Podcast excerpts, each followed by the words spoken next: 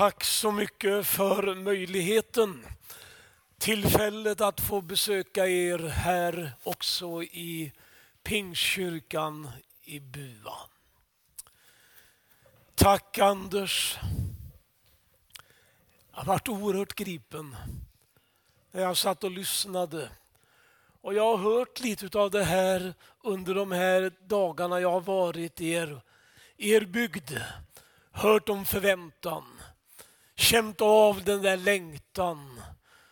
Och så har vi fått uppleva sen i fredags hur Gud bara talar till oss. Uppenbarar sig för oss. Och jag varit så häpen eh, Anders när du talade och inspirerade för den här händelsen. Och jag tänkte, vad förunderligt väl min predikan som jag ska hålla är kopplat samman på ett underbart sätt. Jag ska be att få läsa ett gudsord tillsammans med er. Jag hämtar det i det kapitel i Hebreerbrevet som vi kallar trons kapitel, nämligen det elfte kapitlet. Och där vill jag läsa några versar kommer inte att läsa hela. Egentligen är det väldigt spännande när man går igenom det här kapitlet. Därför att det handlar om trons människor. Sådana som ni. Trons människor. Sådana som ni som vågar satsa. Vågar göra någonting utöver det vanliga. Vågar gå till en åker och be.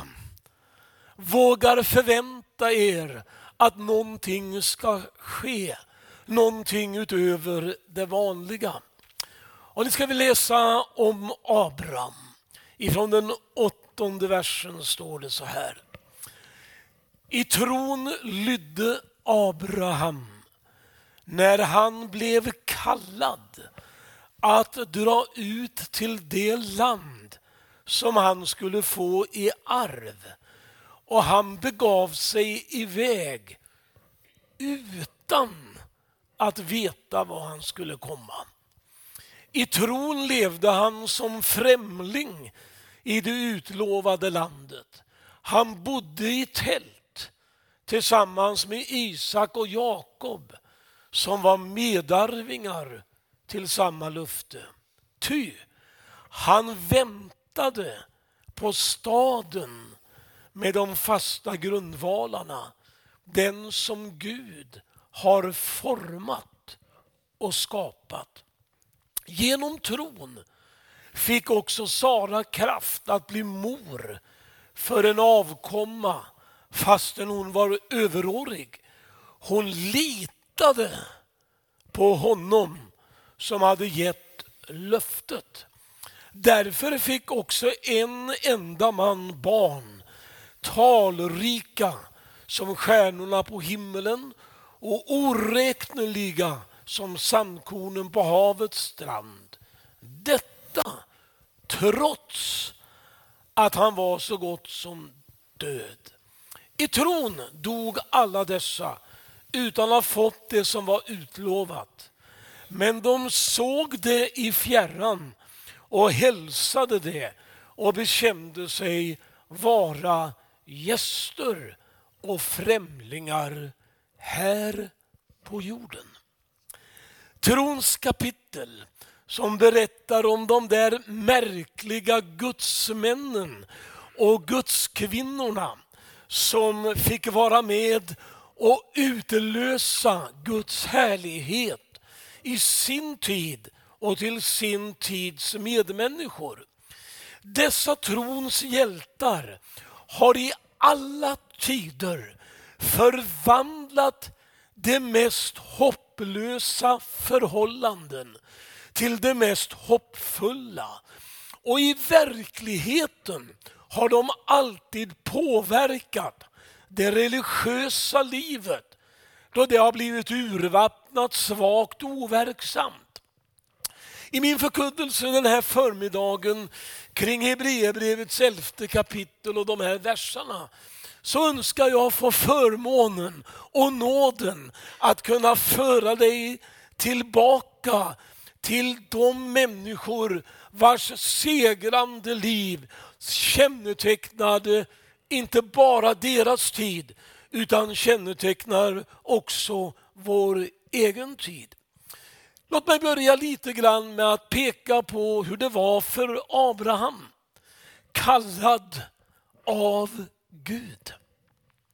Abraham levde i en ganska märklig tid tillsammans med sin familj, sin far och mor, eventuella syskon i det kaldeiska Ur.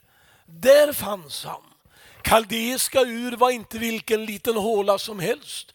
Det var dåtidens mest kända stad. En mäktig stad, en handelsstad. En stad där man roade sig eh, oerhört starkt. Det var en stad som var väldigt religiös i vissa avseenden. Därför att där fanns en av antikens absolut märkligaste byggnader. En sigurat eller ett torn, ett trappstegsformat sigurat.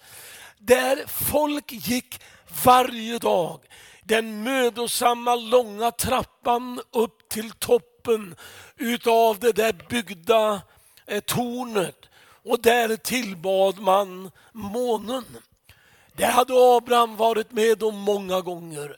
Men i hans hjärta fanns någonting annat. I hans inre fanns en längtan efter någonting som han inte hade lärt känna, men som han skulle komma att lära känna. En dag kanske han svettig och varm ännu en gång hade burit offergåvorna ända upp till toppen var på väg dit upp för att offra till månguden på nytt igen. Och plötsligt upplever han någonting som han inte hade räknat med. Han hör en röst som talar. Ordet, han hade ju gått så många gånger där. Han hade aldrig hört någon Gud tala. Men plötsligt hör han en röst. Och den rösten säger Abraham, lämna ditt släkt, din folk, ditt folk, ditt land, din stad och gå till en plats som jag ska visa dig. Det där är Guds mäktiga väg när han kallar oss. Han talar inte alltid om hela vägen vi har att gå. Han ger inte alltid slutmålet, men han säger följ mig. Och när vi börjar följa Jesus, då händer någonting oerhört spännande. Det är därför jag lyssnade med en sån gripenhet till när du berättade om det som ska hända här i augusti månad. Det är som om ni har hört en röst. Visserligen, ni var inte främmande för Guds röst tidigare, utan ni hade hört den många gånger. När jag ser alla kyrkorna som är med så har ledare i olika eh, grupper hört rösten, hört kallelsen, sagt sitt ja till kallelsen och nu hör ni en ny röst på samma kärleksfulla röst som talar till er. Och så är det så märkligt att det har blivit en sådan underbar gemenskap av det. Och nu är ni på väg upp. Ni har hört någon säga, jag vill föra er till ett nytt område, till ett nytt land, till en ny erfarenhet av Guds härlighet. Det är jättespännande och det ska bli väldigt spännande att följa det som kommer att hända om bara några månader. Är det inte rätt skönt att tänka sig, det är inte 25 år framåt, utan det är om några månader som Gud ska göra någonting utöver det vanliga. Visst är det fantastiskt att du och jag får vara med i sådana här enorma tider. Abraham sa Gud, lämna ditt land, ditt folk och gå och din släkt och gå till det land jag ska visa dig. Gud sa inte du ska gå norrut. Han sa inte du ska gå söderut. Han sa inte gå åt väster. Han sa inte gå åt öster. Han sa gå ut till det land jag ska visa dig. Och nu är det så här, förstår ni, när jag tänker på det här underbara, att Gud har större planer för er än vad ni kan räkna ut. Gud har någonting mycket underbarare i beredskap åt er än vad ni vågar tänka. Och på samma sätt vill Gud att du och jag ska gå denna trons underbara väg. Med, med, med kanske ibland lite ovissa steg. Ovissa steg. Vad, vad, blir nästa steg? Vad kommer att hända? Hur kommer det att gå för dem som eventuellt blir nyfrälsta? Hur kommer det att gå för dem som börjar tro? Kommer de att klara det? Ja men fortsätt bara att gå med Jesus ska ni få se någonting underbart börja ske. Ni kommer att få se det där som eh, somliga såg i drömmen. De där med de upplyftade händerna som står och överlämnar sina liv åt Jesus. Och mina älskade vänner, om ni riktigt bara förstod det, att ni är med om ett trons äventyr just nu.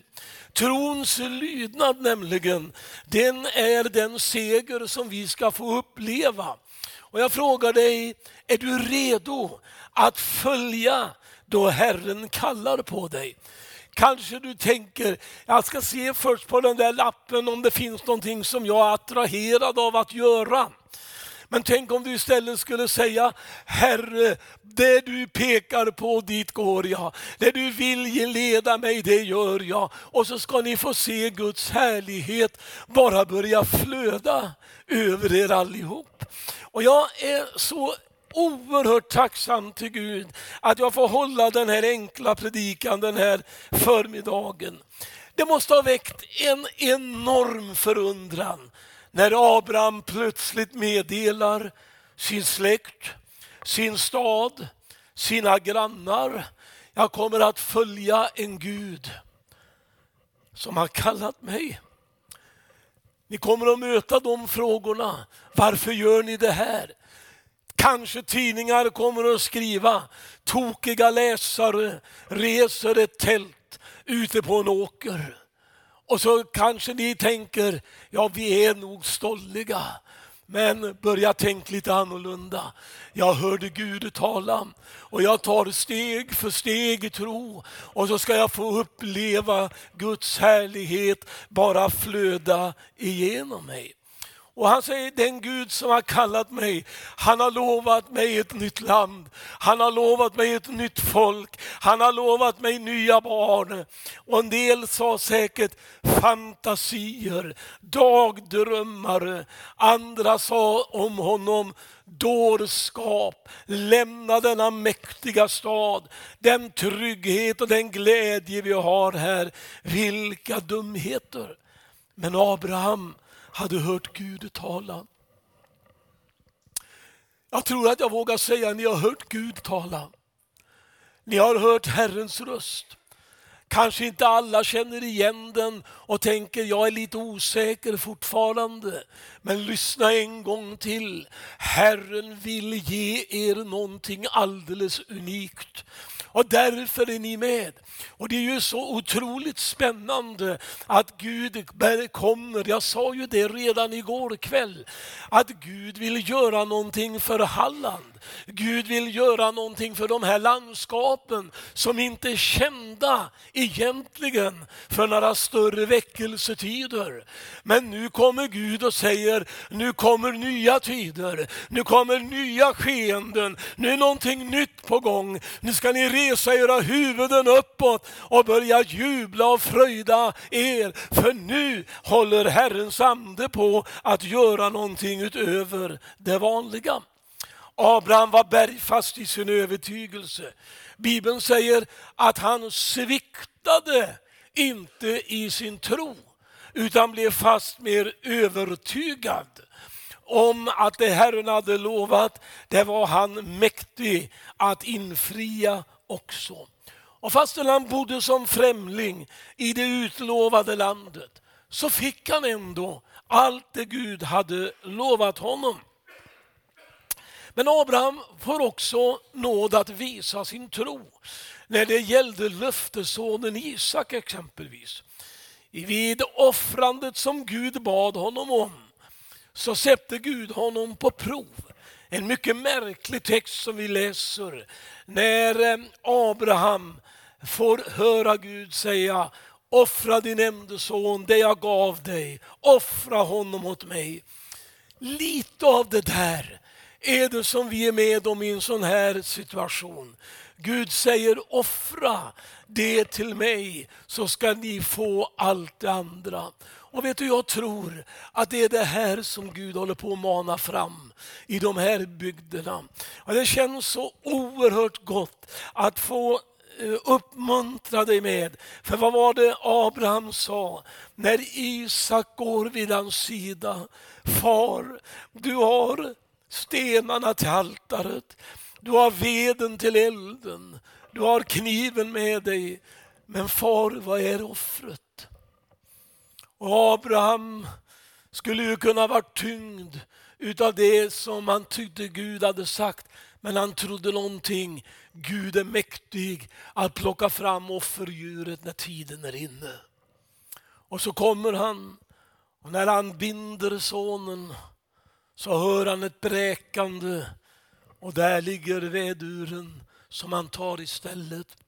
Och så blir hela Abrahams troshandling en eh, bild, en förebild, en profetisk hälsning om det som skulle hända på Golgata en gång. Och Gud hade sagt att du ska få en eh, avkomma som är större än stjärnorna på himlen, mer än sanden på havets strand. Och idag är det miljontals och åter miljontals människor frälsta över en hel värld. Du vet, bara i ett land som Kina så kommer det lite olika uppgifter hur många som blir frälsta. Ibland är de kanske överdrivna, men oftast är de nog rätt kraftigt underdrivna. Därför att det är som människor bara rycker himmelriket till sig. I hopplösa länder upplever man hur människor börjar söka Gud i, i länder där man tillber islam och hela den biten så uppenbarar Jesus sig för människor. Ni berättade att de sa, vem var, vem var fågelskrämman som stod i mitten? Vet du, vet du, jag tror verkligen att det var Jesus som stod där och han bara visade och delade sin välsignelse.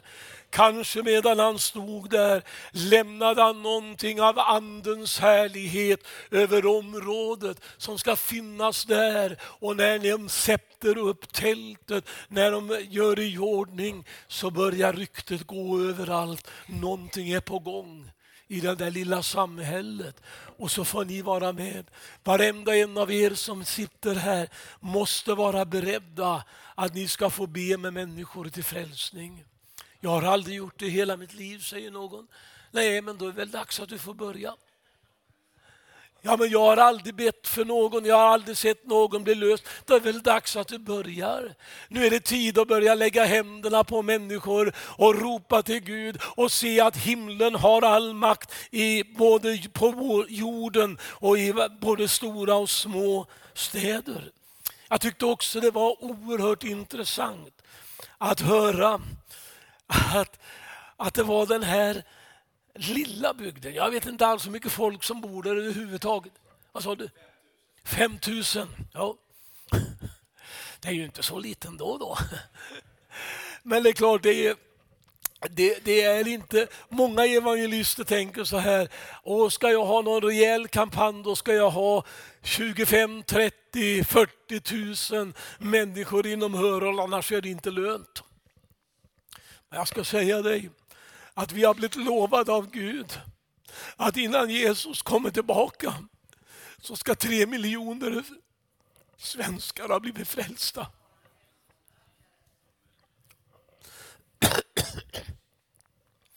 Jag minns när jag upplevde det där. Det var en alldeles oerhört märklig dag. Jag var i trakten av Ulmstad utanför Jönköping hade ett, ett IBRA-möte, var missbelåten med mötet, var missbelåten med, med, med hela upplägget alltihopa.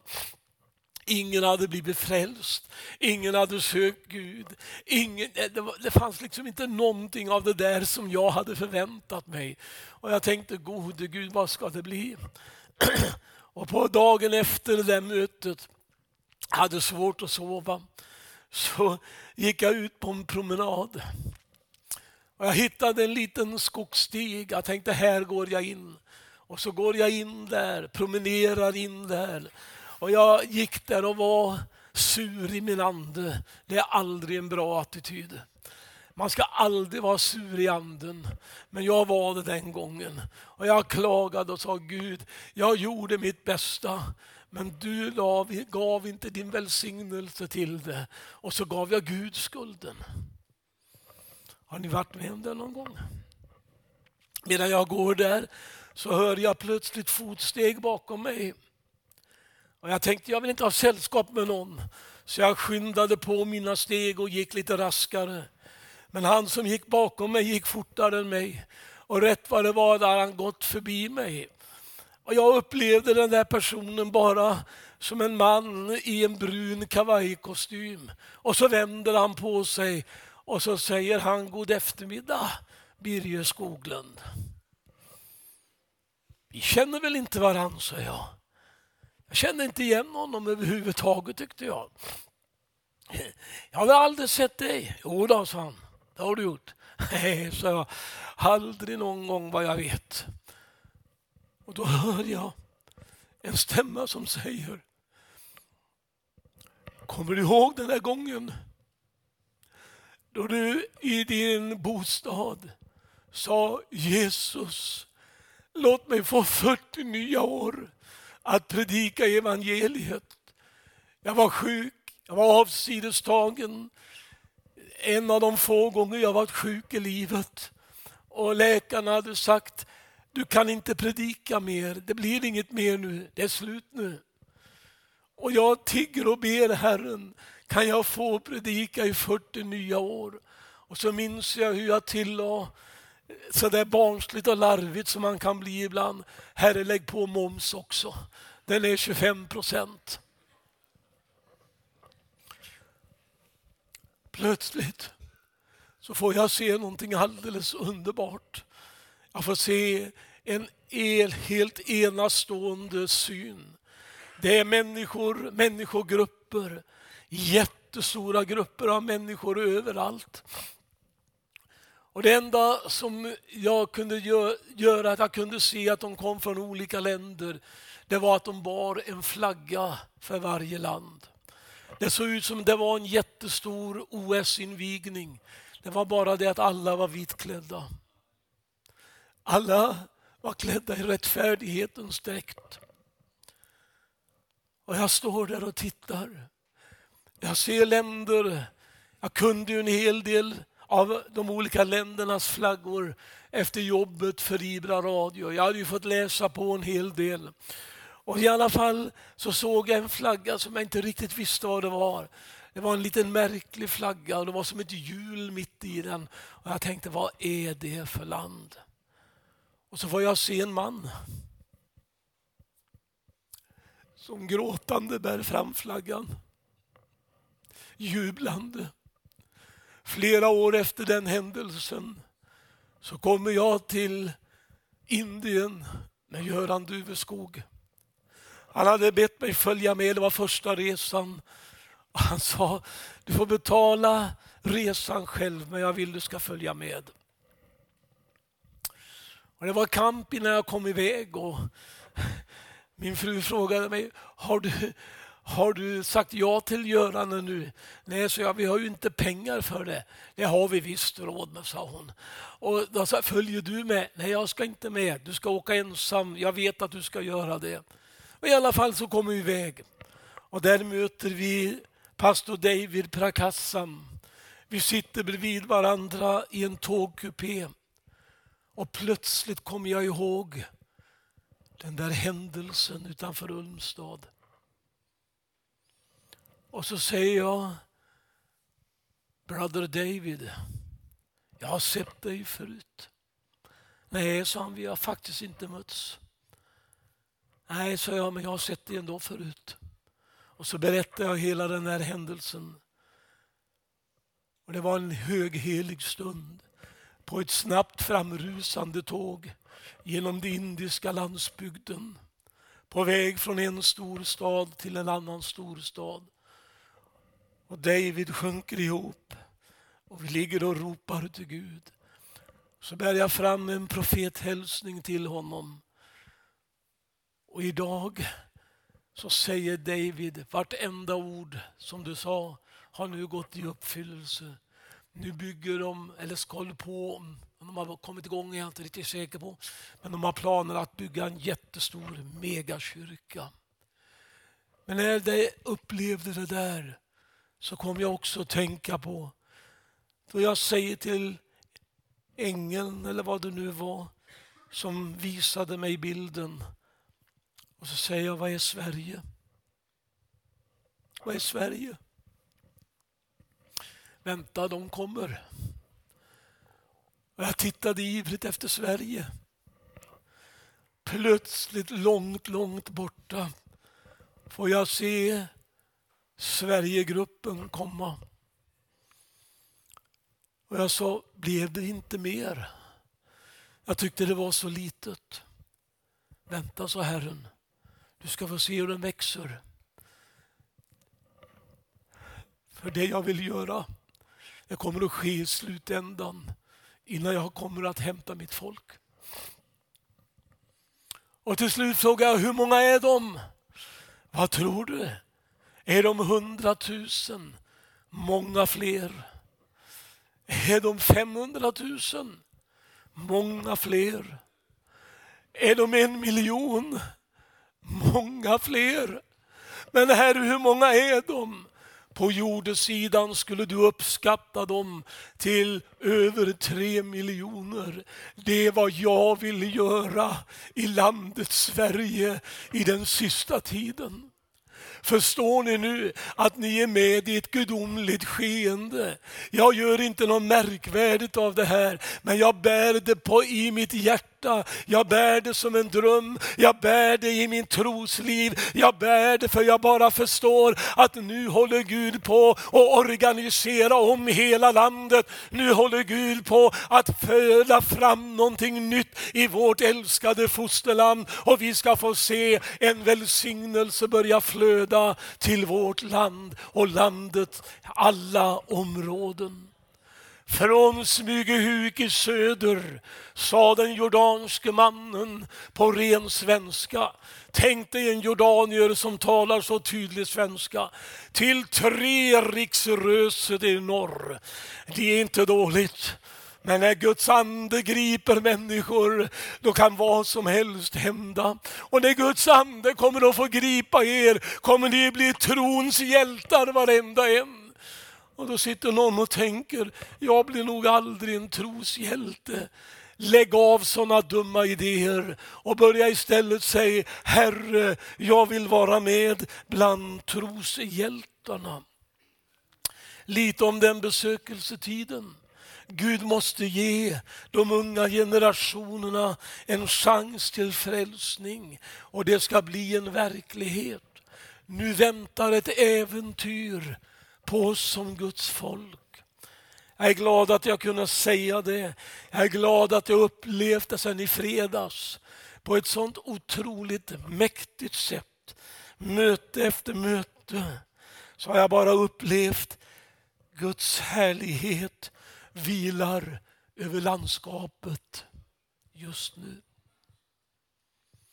Det är som om Gud säger, precis som min tjänare tar stegen ner från plattformen och går ner i lokalen, så går jag ner ifrån min tron för ett ögonblick genom min heliga Ande.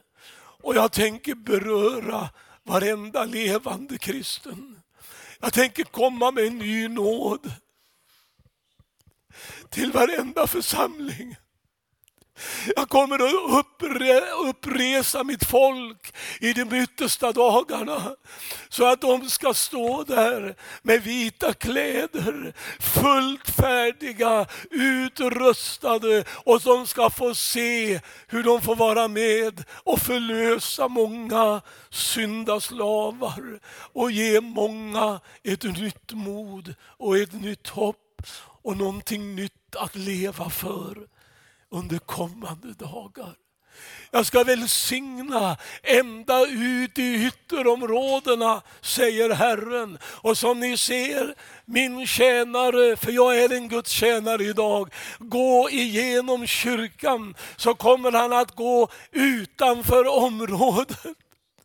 Och rätt vad det är så kommer väckelsens ande att sprida sig till Västergötland, till olika områden runt omkring. Därför att Gud vill göra någonting så nytt och någonting så härligt. Och så sätter han sina andes fötter utanför området. Så det är inte bara ni som blir välsignade, utan massor av människor kommer att bli välsignade av den heliga Ande genom blodet, genom såren, genom korset, genom Golgata seger. Ära, halleluja.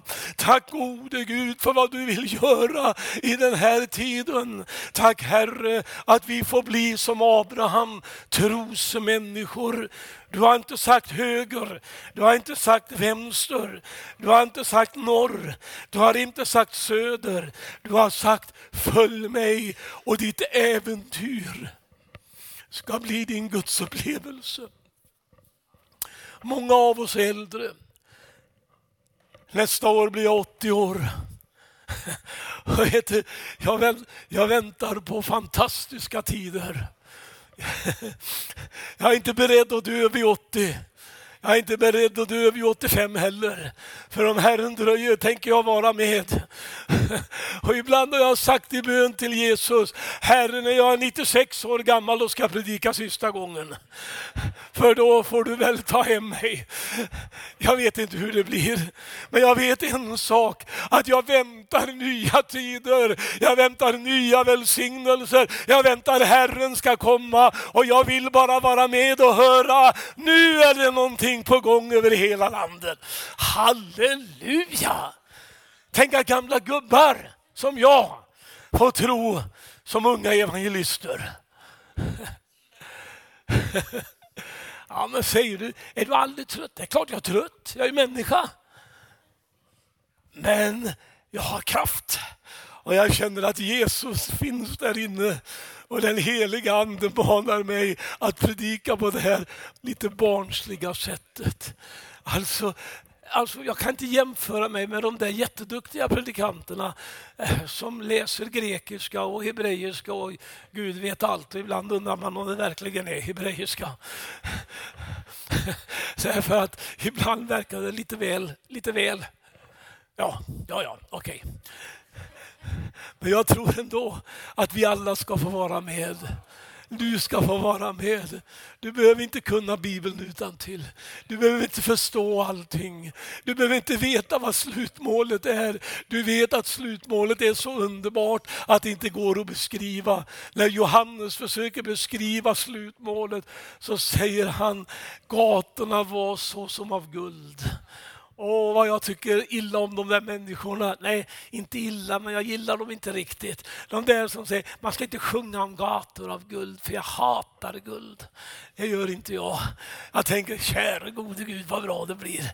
Alltså, det, det var ju en gubbe, vet ni, som i drömmen, dog, dog i drömmen och så sa han, jag kan inte vara död nu, jag måste gå tillbaka till jorden för jag måste hämta lite av mina ägodelar.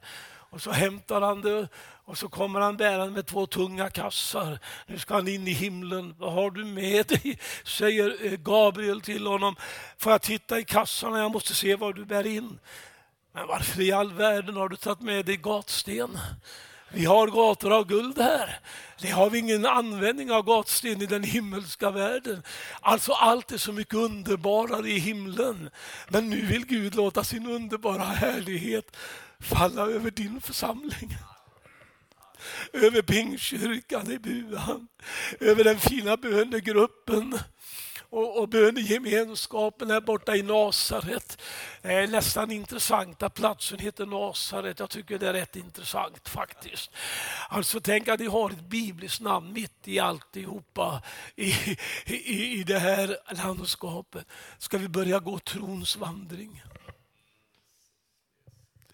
Jag har predikat det som Gud bara har manat mig att ta del av och ge dela med er. Jag vill bara berätta för er att den Gud som jag tjänar, jag litar på att han ska fullfölja löftena han gav oss. Halleluja. Men det är bäst jag ser vad klockan är, det är bäst jag säger amen. Men det ska jag göra alldeles strax. Hörrni, är ni beredda till ett trons äventyr? Är ni beredda att våga räkna med någonting utöver det vanliga? I historieböckerna för kommande tioårsperiod tror jag det kommer att stå det helt enastående. Vi har aldrig varit med om något liknande. Gud må välsigna er. Vad ni gör, håll ihop. Vad ni gör, var rädda om varandra. Vad ni gör, förbjud allt struntprat och allt otro. För, förbjud all otro att styra dig och säg Herre, jag tror, hjälp min otro. Låt oss förvänta oss nu att en ny tid bryter in. Då kyrkorna blir lite för små. Och då ska ni inte tänka, då ska vi bygga större kyrkor? Ni ska dubblera mötena istället. Det blir billigare. Det blir bättre, så får du predika två gånger en söndag. Kanske tre gånger istället. I eh, Coimbatore, där David Prakkasan verkar, har de fem möten varje söndag. Jag längtar efter de där dagarna då det ska bli så mycket folk så, så att vi, vi får säga gamlingarna får komma tidigt på morgonen för de är oftast morgonpigga. Och ungdomarna får komma sist på dagen för de är morgontrötta. Och så kommer det bli väldigt bra. Och däremellan kommer medelåldern som är lite lagom. Det blir väldigt bra. va? Gud är god och han vill göra underbara ting. Nu ska vi prisa Jesus tillsammans. Och, och vi ska gå in mot avslutningen. Och jag fick en lapp här av vår syster som leder mötet.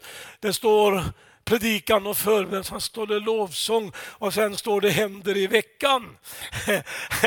Det blir ju härligt. va? Händer i veckan ska vi ha sen, om en liten stund. Men nu ska vi resa på oss och bara prisa Jesus. Och vi ska hylla honom. Jag har uppmanat folk och jag känner att jag ska göra likadant idag. Vi, vi bara vi räcker varandra händerna, vi står hand i hand i bänkraderna. Och så välsignar vi varandra överallt. Vi bara välsignar varandra. Vi bara välsignar varandra. Hur gör jag det? Jag bed ut alla goda gåvor till den som står till höger och till vänster om dig. Bed inte för dig själv, utan be för den som står till höger och vänster. För den som står till höger och vänster om det ber ju för dig. Så nu ropar vi till Gud tillsammans och så säger vi Jesus, eh, tack att du är här den här stunden. Tack att din nåd och härlighet vilar över oss det här mötet. Herre, tack att du ska välsigna vänner. Jesus, om det är någonting som du vill jag ska säga, låt mig få nåd att dela detta i så fall med längtande människor. Herre, tack att du gör nåd med tusenden. Herre, tack för vad du ska göra i den här tältserien i augusti. Tack för vad du vill göra fram till dess. Nu ska du tajma oss och du ska göra oss så, så förenade i varandra att vi är som ler och långhalm. Herre, att vi är som kedjor som inte brister.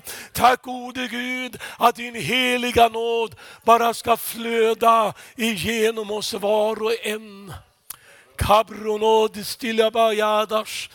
Lekerdonos till minitoria bagaitos. Åh Jesus, tack att du bara gör under.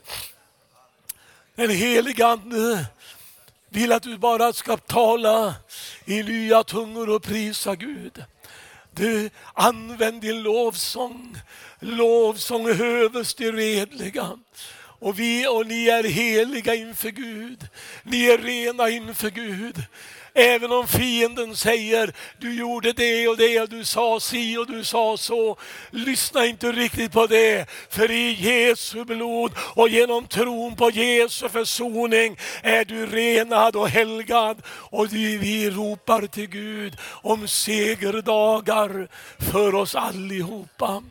Candio boriastigina la parendos.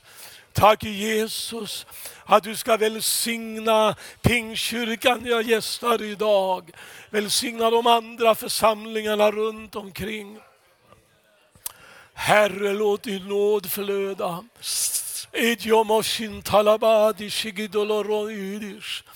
Halleluja. Halleluja, halleluja, halleluja, Ορτανάς υπορονοίδης,